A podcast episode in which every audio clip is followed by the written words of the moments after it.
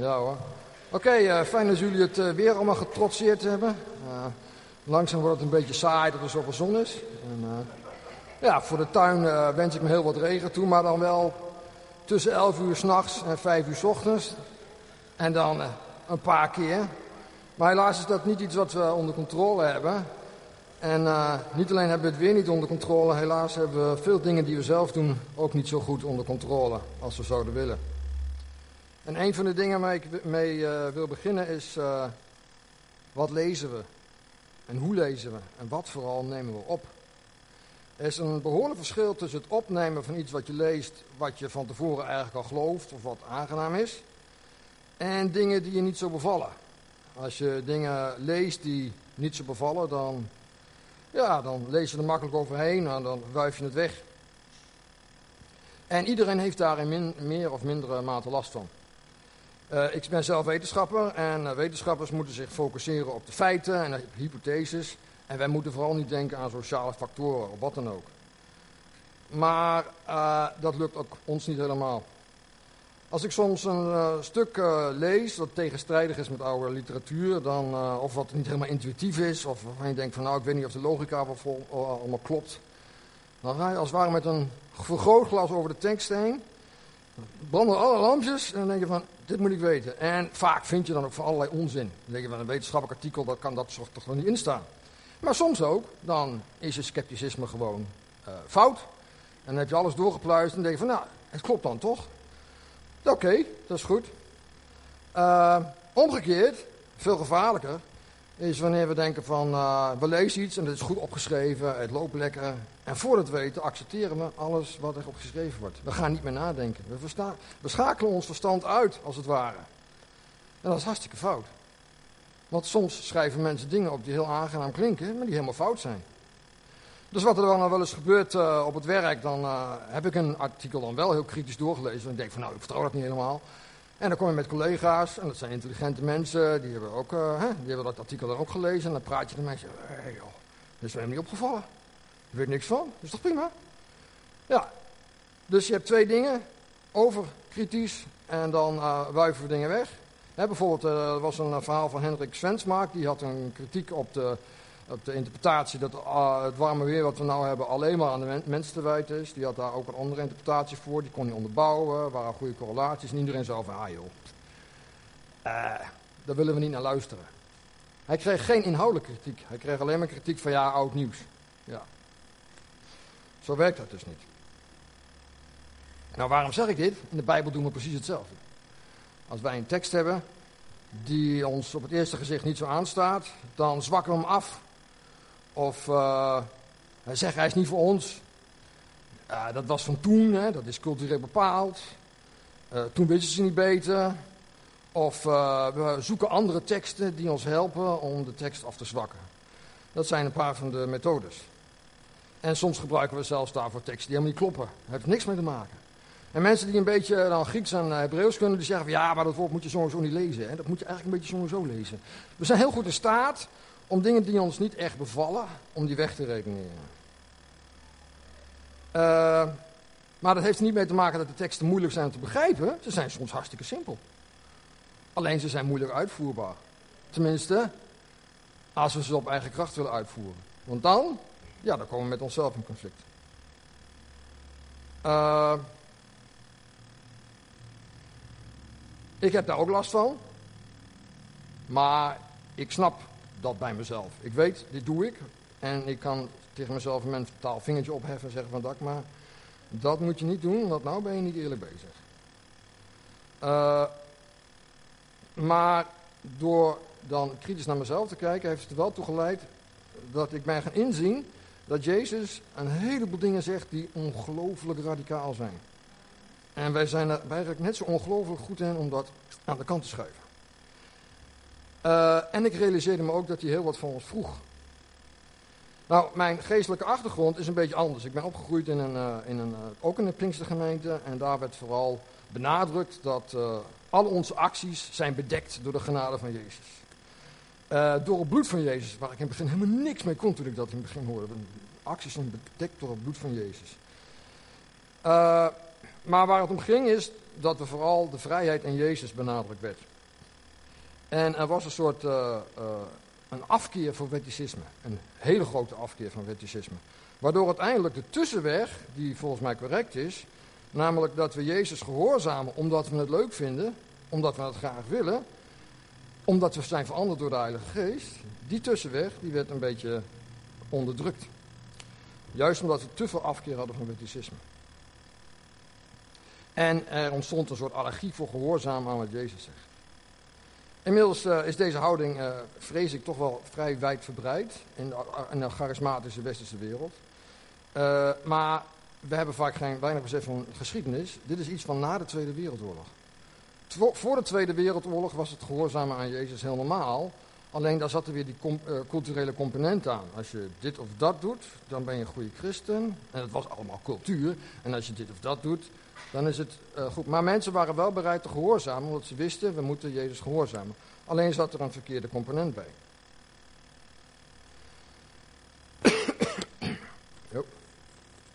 maar als we goed luisteren, uh, willen naar Jezus en Paulus en Petrus en andere schrijvers, dan moeten we, dan moeten we daar weg van komen. Dan moeten we kijken van, uh, wat schrijft hij nou en welke vrijheid hebben we nou en hoe zit het nou met gehoorzamen.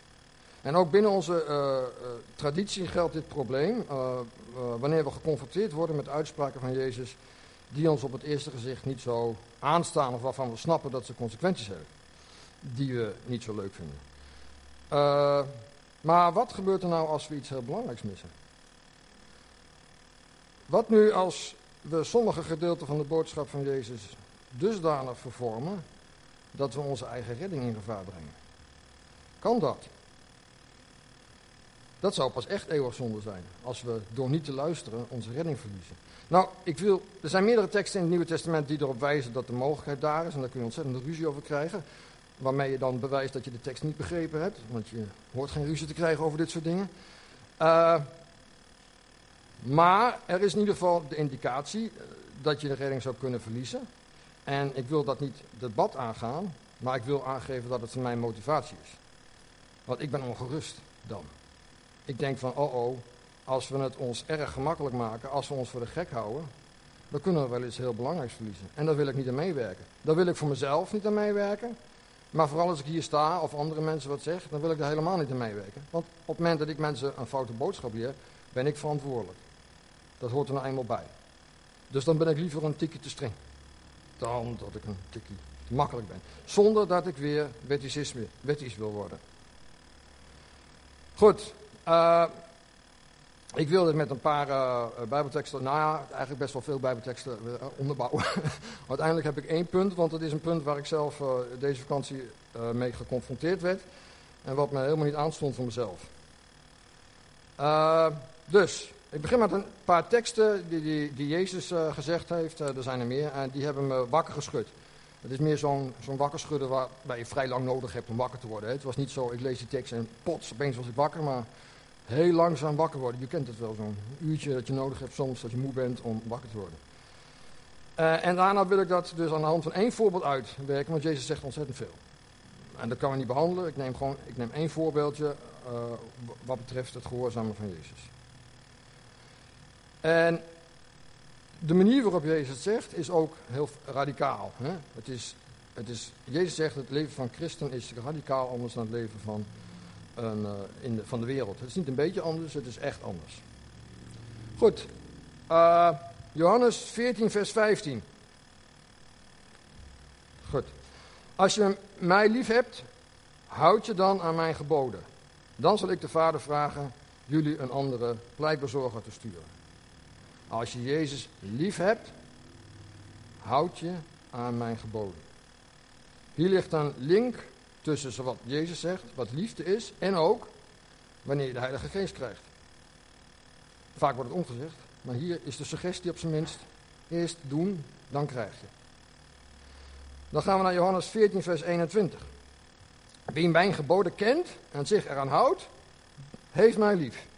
Wie mij lief heeft, zal de liefde van mijn vader en mij ontvangen, en ik zal mij aan hem bekendmaken. Ook hier weer de suggestie van liefde uh, van ons naar God toe, door te doen wat hij uh, vraagt, en dan krijgen we liefde terug. Ik heb het altijd andersom geleerd, maar hier komt het ook een keer omgekeerd.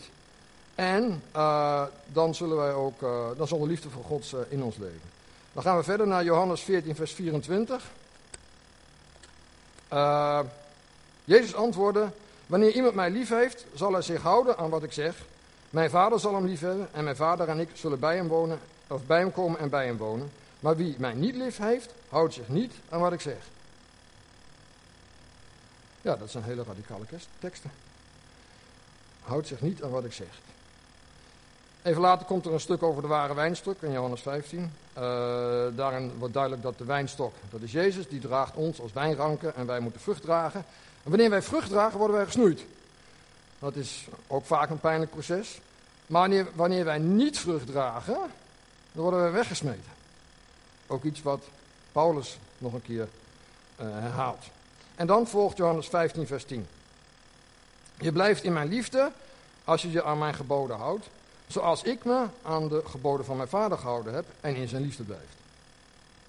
Een hele reeks van teksten die min of meer hetzelfde zeggen, maar ik vind het even belangrijk. Want uh, soms kun je zeggen, ja, dat is maar één tekstje. Dat, uh, dus, en er zijn er meer. Dus er, is een, hele redenatie van Jezus om een bepaald iets duidelijk te maken. Ik vond het blijkbaar heel duidelijk. Liefde voor Jezus betekent gehoorzamen aan hem.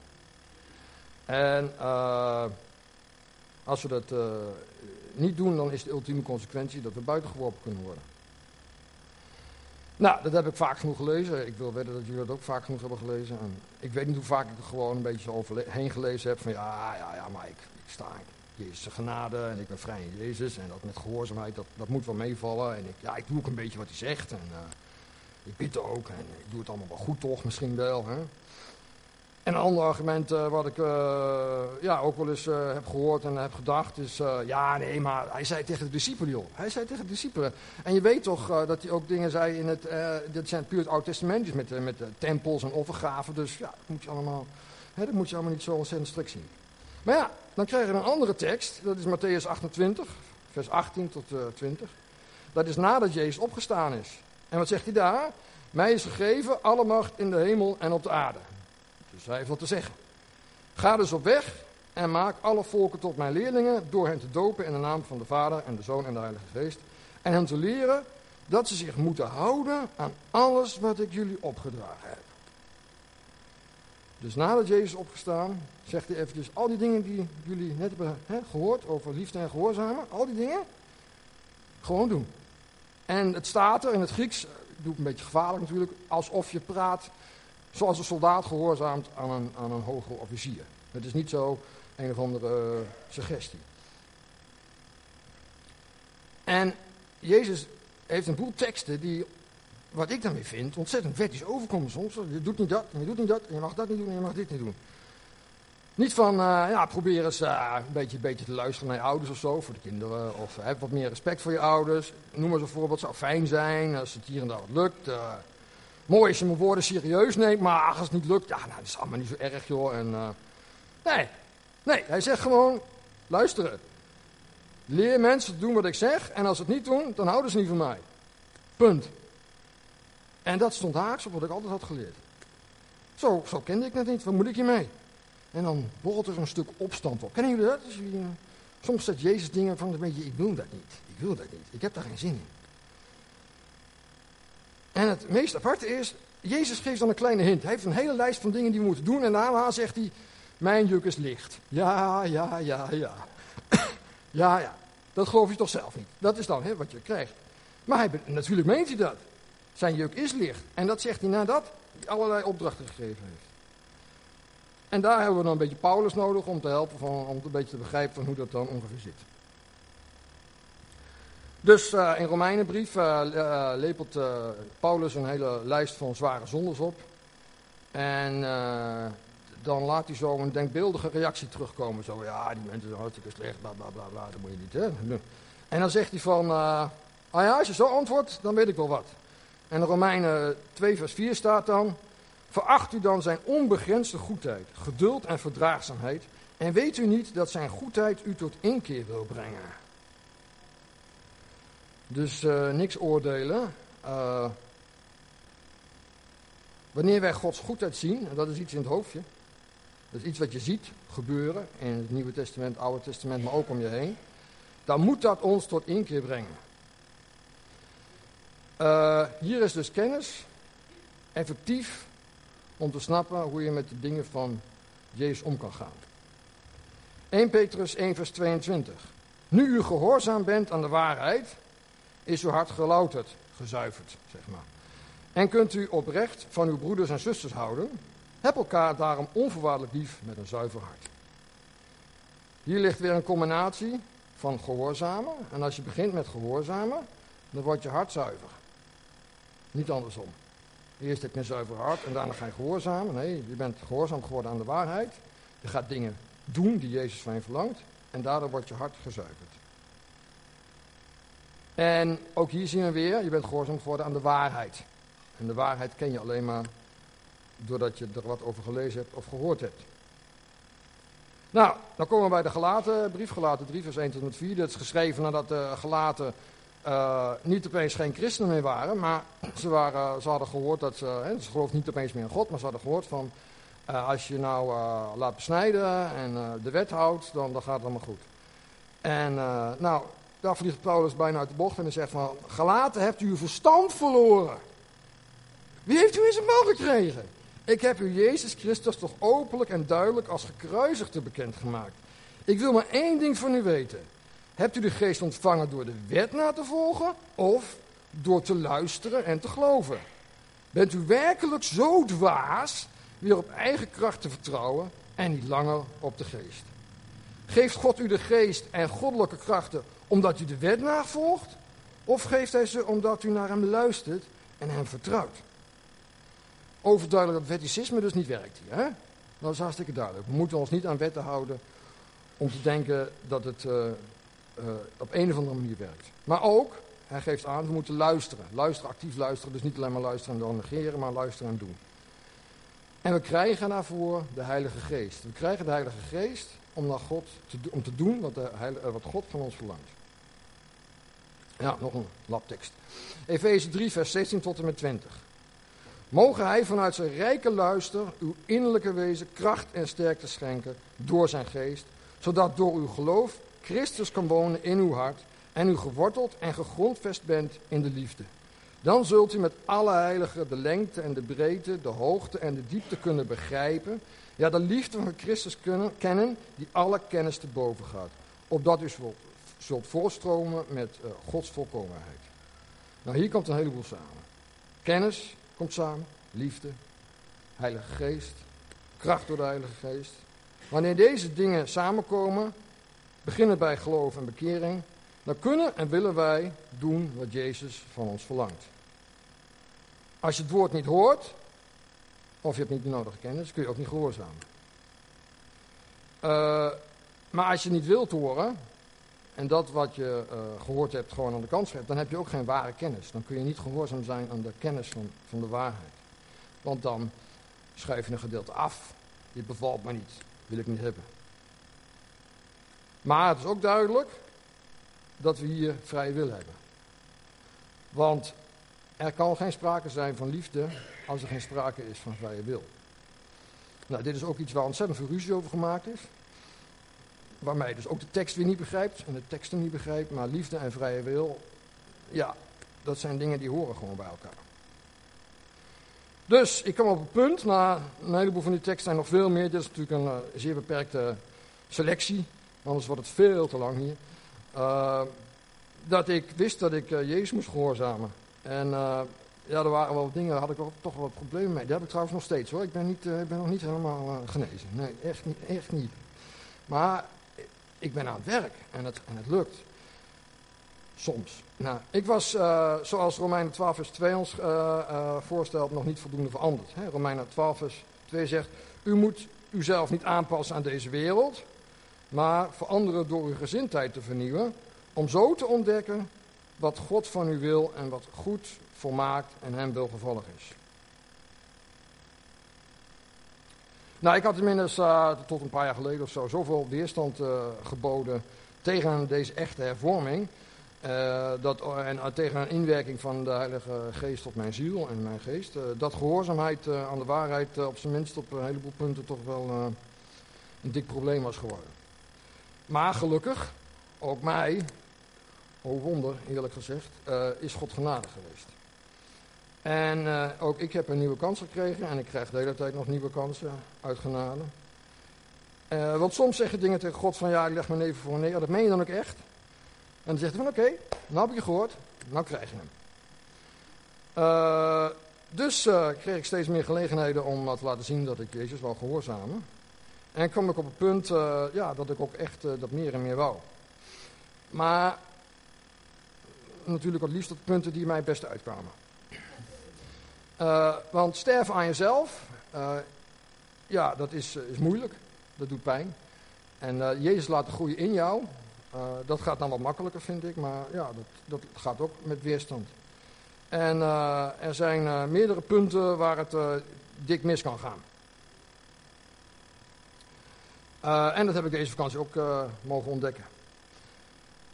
Ik ga het nou op één punt beperken, de hele lijst van dingen die we moeten doen. En dat is namelijk het punt oordelen. Dat is een heel belangrijk punt. Matthäus 7, vers 1 tot en met 2. Oordeel niet, opdat er niet over jullie geoordeeld wordt. Want op grond van het oordeel dat je velt, zal er over je geoordeeld worden. En met de maat waarmee jij meet, zal jou de maat genomen worden. En daarna volgt het stukje over de splinter en de bal.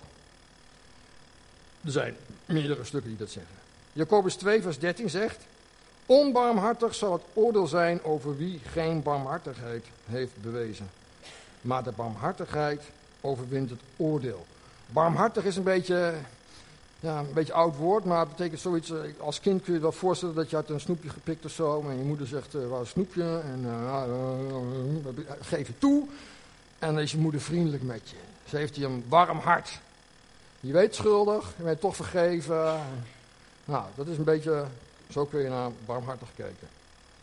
Dus tegen het niet oordelen echter staat dat wij, of de mensen, nee sorry, het niet oordelen gaat zeker voor mensen buiten de gemeente. 1 Korinthe 5 vers 12 zegt duidelijk niet oordelen. En eh, Jezus zegt ook in Johannes dat we niet op de schijn moeten oordelen, maar dat ons oordeel rechtvaardig moet zijn. Dus er mag wel geoordeeld worden, maar het moet rechtvaardig zijn. Andere mensen is namelijk niet ongevaarlijk, maar soms moeten we mensen oordelen omdat de situatie daarom vraagt. Alleen Jezus maakt duidelijk, het moet wel overwogen zijn. Uh, we moeten even goed naar onszelf kijken, dat we geen balk in onze uh, ogen hebben of dwars door ons hersenpan heen, terwijl we commentaar hebben op de splinter die bij anderen zitten. Uh, het idee dat we elkaar binnen de gemeente ook niet mogen beoordelen is ook helemaal onbijbels. Want op een gegeven moment zegt Paulus in 1 Corinthië 6 van... Ja, maar hebben jullie dan niemand... ze hebben een conflict. Kunnen jullie niet een paar mensen bij elkaar vinden die gewoon lekker deze zaken kunnen beoordelen. In plaats van dat je nou naar de rechtbank moet gaan naar buiten. Dat slaat nergens op. Je hebt toch wel mensen die het een beetje kunnen. Goed. Maar het probleem is dat we niet zo goed zijn in oordelen. Want wij kijken nogal ontzettend naar de oppervlakte. Wat vindt u mooier, een Bugatti Veyron of een touwplant? Een Bugatti Veyron of een uh, touwplant? Wat vindt u mooier? Nou ja, Bugatti Veyron, uh, oh, Porsche 911 of wat dan ook, cabriolet. Ah, nou, we hebben hele mooie dingen. Bugatti Veyron is de, was tot voor kort de snelste auto ter wereld. En je kunt denken, ah, een auto, weet je wel, die kost een miljoen.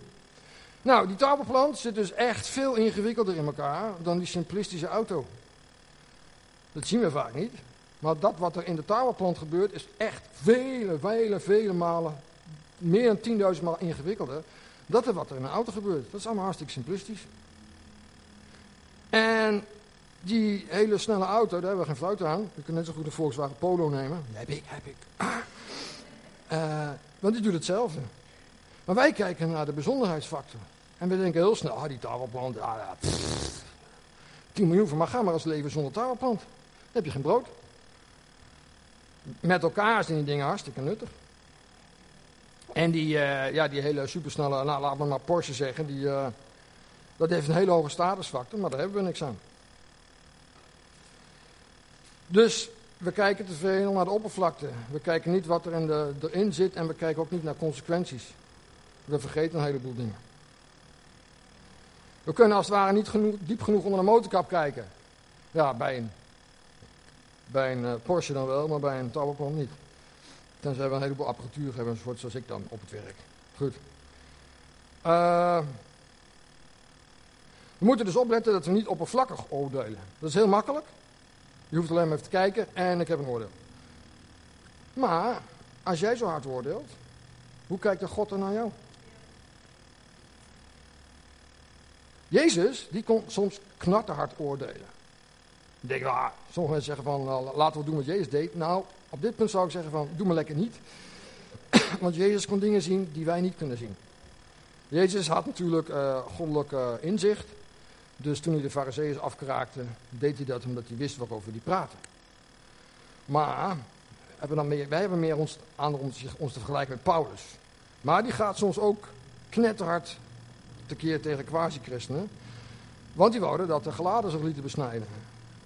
En uh, op een gegeven moment zegt hij daar, en daar gebruiken de vertalers, milderen dat een beetje af, maar er staat ongeveer van, ik wou dat die mensen die die boodschap brengen zichzelf helemaal alles afsneden. Castreren.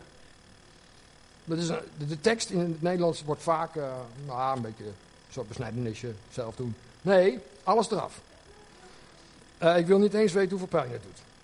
Maar ik ga er hiervan uit dat Paulus, dit is een hele ernstige situatie, want Paulus was bang dat mensen daar naar hel gingen. Ja, dan moet, het, dan, wordt het, dan, moet je, dan moet je natuurlijk echt gaan oppassen. Maar ik ga ervan uit dat hij de mensen donders goed kende. En dat hij wist over wie hij het had.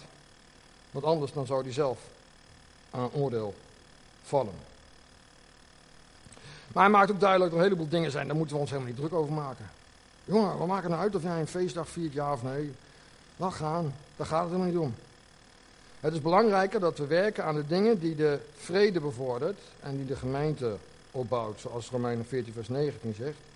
En we moeten niet proberen ons gelijk te halen ten koste van anderen. Zeker niet de punten die er niet te doen. Dus we oordelen heel makkelijk oppervlakkig en we oordelen vaak ook weer over oppervlakkigheden in plaats van dat we ons met wezenlijke dingen bezighouden. En misschien uh, zeggen we te vaak, uh, doen we onze mond over, over dingen die er helemaal niet te doen. Zeg gewoon niks. Want soms is oordelen uh, veel beter om niet te doen. Gewoon helemaal niet doen. Ik hoef geen oor te hebben. Laat het los.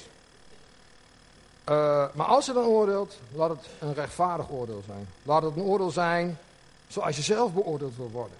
Als ik iemand beoordeel, zo, zo, hè, dan hoop ik dat die ander mij ook zo beoordeelt. Wat een, hè, een tekst is van Jezus. Doe aan een ander wat jij wilt dat de ander aan jou doet. En dat geldt ook met oordelen. Dus een goed oordeel over andere mensen is oké. maar wat staat er dan in de weg? Nou, dat is een heel mooi woord voor, dat heet vooroordeel. Wij schatten de tafelplant in de Porsche in op basis van vooroordelen, uh, die heel diep geworteld zijn. We krijgen namelijk in ons leven een heleboel weetjes mee, waarvan we helemaal niet bewust zijn dat ze werken. Totdat je er heel hard over gaat nadenken. Ik ben helemaal kaal van geworden, zo hard heb ik nagedacht, om, om dat allemaal te begrijpen. Maar als je bijvoorbeeld iemand hebt waar je een hekel aan hebt, om wat voor reden dan ook, en die doet iets, dan is dat wat hij doet, heb je ook een hekel aan. Als je iemand hebt die je hartstikke leuk vindt, en die doet hetzelfde, dan denk je van, ah ja, dat is wel goed. Dat is heel gek. Maar dan gebeurt er iets wat nog veel erger is. Je gaat namelijk denken van, ja, dus dat is slecht, dus als iemand anders doet, is die ook slecht. Dat ga je doen. Je gaat van iets wat één iemand doet, waarvan je een conclusie hebt getrokken, ga je dat veralgemeniseren. Dat leg je op andere mensen. En dat doe je al vanaf kindsheid. En op een gegeven moment zit het ergens in je hersenstand. Dat zit niet hier, dat zit daar. En dat zit hier. Dat wil je helemaal niet hebben. Dat hoort daar niet te zitten. Uh, even kijken. Goed, ik denk dan ook eens terug aan de, aan de, aan de, aan de, aan de gemeenteperikelen die we gehad hebben. Uh, daar luister ik wel eens en denk van nou, dat, volgens mij is daar ook een vooroordeel. Je, iemand, iemand doet wat, een oudste doet wat en dan verwachten we, die moet het zo en zo doen. Dat is allemaal, dat moet allemaal zo en zo liggen. En als een uh, oudste een keer een e-mail niet beantwoordt, dan, ja, dan is hij verkeerd. Dat is gewoon verkeerd, die, die heeft geen interesse voor mij. Dat is, die, die is slecht, want iedereen moet zijn e-mails goed beantwoorden. En als je dat niet doet, dan ben je gewoon een slecht mens. Dat is een makkelijk vooroordeel. Hartstikke makkelijk. Maar een goed oordeel is moeilijk. Want dan moet je diep gaan graven. Dan moet je werk in steken, dan moet je informatie vergaren. En het kan uh, confrontaties leiden, want je moet mensen vervelende vragen stellen. Ik heb af en toe wel eens gedacht, die vraag wil ik niet stellen, die wil ik niet stellen. Dat voelt zo moeilijk, maar dat moet je dan wel doen. En vaak is dan het antwoord totaal anders dan je dacht. Het is heel uh, ongemakkelijk soms om informatie te, te vergaren. En het is heel makkelijk om op basis van naar voren te zeggen, zie je wel, die is. Makkie. Gelukkig heb ik meerdere keren de moeite genomen om door te graven. Om vooral geen voorbarige conclusies te trekken. Dat is soms wel gebeurd, maar ja, die heb ik dan uh, binnen mond gehouden. En uh, meerdere keren was ik ook in de war omdat ik tegenstrijdige informatie had. Ik heb me dan ook beperkt in mijn oordeel. Uh, en omdat het simpel Jezus dat zegt van als je het niet weet, dan hou je mond maar. Zeg dan maar gewoon niks. En als je wel wat weet en je hebt goed informatie vergaat, nou ja, dan kun je wat zeggen. Dus ik was best wel tevreden met mezelf. Ik heb ook wat schouderklopjes gehad hier en daar. En het, is ook werkelijk wel een, een, een, doorbraak voor mezelf geweest dat ik zo kon reageren als ik reageerde. Maar dan, uh, als je zelfs schouderklopjes geeft, dan uh, kun je hem terugkrijgen. Hè? Maar dan op een andere manier van God. Want uh, hij wil mij wel graag corrigeren, en, omdat het nodig is. Dus jullie hebben soms wel eens opgevallen, ik ben niet helemaal zo standaard in mijn, hoe ik ben. Ik heb meerdere excentrieke trekjes. Maar ik heb er ook een stel, die zullen jullie helemaal niet van mij verwachten. Nee, let maar op. Ik zou het namelijk voor mezelf leuk vinden om oorringen te hebben. Dat lijkt me wel leuk. Ja, ja. Nou, dus begin deze vakantie heb ik dat gedaan. Heb mezelf oorringen doorgestoken. Nou, ik vond het wel leuk. Maar ik voelde me zo vreselijk op, ongemakkelijk. Ik schaamde me soms helemaal kapot. En dat was gewoon, als ik erover nadenk, is het volledig triviaal. Ja, volledig triviaal.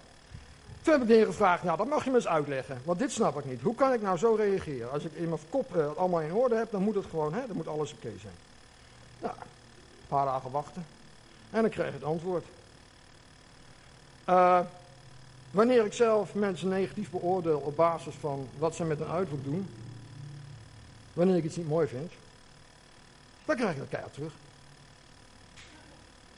Ik krijg mijn eigen vooroordelen treurig, keurig teruggespiegeld.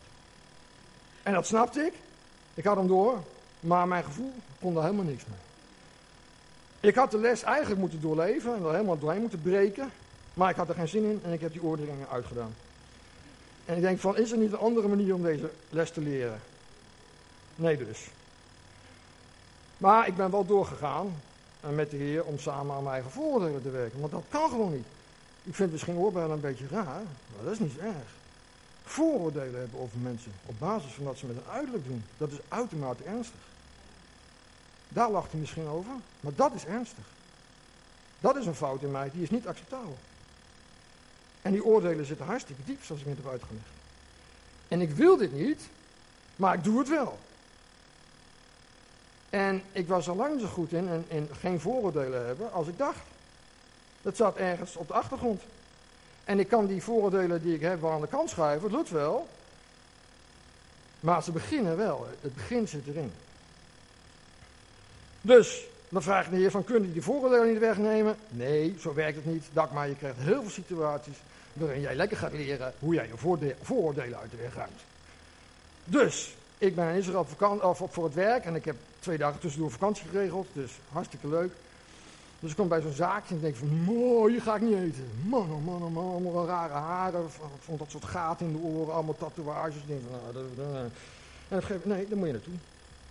Dus ik ga daar zitten, ik ben nog nooit in zo'n zaak geweest eten, echt nog nooit in mijn leven. En op een gegeven moment, ik heb daar de beste humus gehad, dat is een soort kikkererwten, pasta, dat is een nationaal gerecht in Israël. Alle chique restaurants, sorry hoor, de beste humus was bij dat zaakje van, ik dacht van, nou, daar wil ik dus echt niet eten. Ja?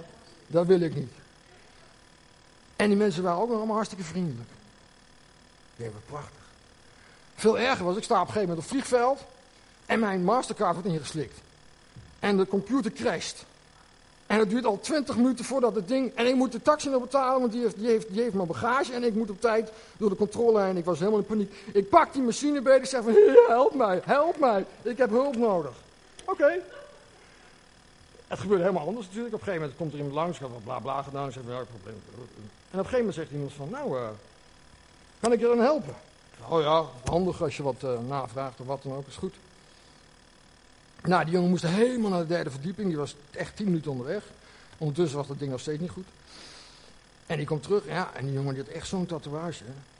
Dat is de vriendelijkste jongen die ik had. Maar de Heer stuurt mij gewoon dan meteen zoiets. Dat ik denk van, oké. Nou, was ik heel blij mee. Kijk, ik mag tatoeages niet mooi vinden, dat is mijn probleem. Ja? Maar ik mag er helemaal geen oordeel aan verbinden. Dus de tijd, uh, het, het, het, verbetert allemaal. Het is nog lang niet perfect. Want ja, ik heb die dingen al vooroordelen al meer dan 40 jaar. Daar loop ik mee. En, en God is niet iemand die zegt, vader neem ik zo even weg. Niet bij mij. Zeg van, werk er maar aan. Ik help je wel. Ja, de Heilige Geest. Maar je moet het wel zelf doen. Maar het mooie nu is, je werkt aan je vooroordelen en dan ontstaat er ruimte. Er ontstaat ruimte om andere mensen, die ongebruikelijk zijn, wat dan ook, positief te aanschouwen. Er ontstaat ruimte voor liefde. Dat je naar een groep mensen kan kijken die er apart uitzien. En dat je een stuk liefde voelt voor die mensen. Uh, en dat je kan beseffen dat God ook van deze mensen houdt. Want laten we eens kijken naar 1 Korinthe 13, vers 4 tot en met 7. Heel bekende tekst. De liefde is geduldig en vol goedheid. De liefde kent geen afgunst, geen ijdel vertoon en geen zelfgenoegzaamheid. Ze is niet grof, zelfzuchtig. Ze laat zich niet boos maken en rekent het kwaad niet aan. Ze maar ze verheugt zich ook niet over het onrecht, maar vindt vreugde in de waarheid. Alles verdraagt ze. Alles gelooft ze. Alles hoopt ze. En in alles volhardt ze. Als je dit leest, kun je als christen onmogelijk vasthouden aan negatieve vooroordelen jegens andere mensen. Als je alles van iemand verdraagt, hoe kun je dan te snel met een oordeel willen zijn? Hoe kun je oppervlakkig met een oordeel willen zijn? Als je de, de liefde vreugde vindt in de waarheid, hoe kun je dan tevreden zijn met een niet goed onderbouwd oordeel? Wanneer je samen met de Heilige Geest aan je vooroordelen werkt, ook vooroordelen die je niet deed, ik, ik kende ze niet, ik dacht dat ik het best wel goed deed. En op een gegeven moment, nee, jij oordeelt veel te veel mensen op een uiterlijk. Oh man, een ramp. Wanneer je dat wegneemt, uh, dan werk je aan je vaardigheid voor liefde. Daarom is het zo belangrijk. Wanneer je vooroordelen opruimt, dan sterf je aan jezelf en is er ruimte voor de Heilige Geest om je te veranderen. Dan verandert je gezindheid en ontdek je echt wat God van je wil. Wanneer je vooroordelen opruimt, word je veel vrijer om tot goede oordelen te komen. Je neemt de makkelijke ontsnaproute niet. Zodat je ook kan zeggen, ik heb die man zo geoordeeld zoals ik zelf geoordeeld wil worden. En zeker onder christenen moet dit zo zijn. Want wij zijn één lichaam. Waarom zou het oog de vinger te snel oordelen of zeggen van je ziet er rot uit? Ja, kan ik voor jou niet zeggen, want ik zie je niet, zegt de vinger dan terug. Nee. Hoe mooi, was, die kwam zomaar binnen, sorry. Hoe mooi uh, zou het niet zijn wanneer niet-christenen naar ons kijken en verwonderd zijn over ons zachtmoedige oordeel naar andere mensen toe? En dat we bereid zijn de moeite te nemen om andere mensen goed te oordelen en dat we geen last hebben van mensen oordelen op basis van een goedkoop vooroordeel. Dat ze zelf zouden zeggen van ik zou in zo'n situatie als jij nou bent, waar er uh, rotzooi is, dat ik zo zou kunnen reageren, gedreven door liefde. Ik in ieder geval wil samen met de Heilige Geest, met God de Vader en Jezus, vol goede moed en hoop werken aan mijn tekortkomingen en aan mijn vooroordelen. En ik wil het eigenlijk ook samen met de gemeente doen, want we hebben elkaar nodig. We zijn één lichaam. Ik doe het niet, hè? Ik zeg, eh, de, we zijn één lichaam. En ik heb een beetje moeten zoeken wat, wat we vooral niet zijn. En dat is een kolonie onafhankelijke vrije vogels. Dat zijn we namelijk niet we zijn niet een of andere kolonie op een of andere berg midden in de zee. We zijn één lichaam midden in de wereld. Daarom kunnen we elkaar helpen. Want wanneer ik een beter mens word, zoals God dat wenst van mij, omdat ik Jezus gehoorzaam, dan groeit ook de gemeente. En dan wordt onze eenheid groter en zullen wij uiteindelijk als gemeente een mooiere bruid zijn voor Jezus. En ik hoop en bid dat ook jullie dit avontuur samen met de Heer aan willen gaan. Amen.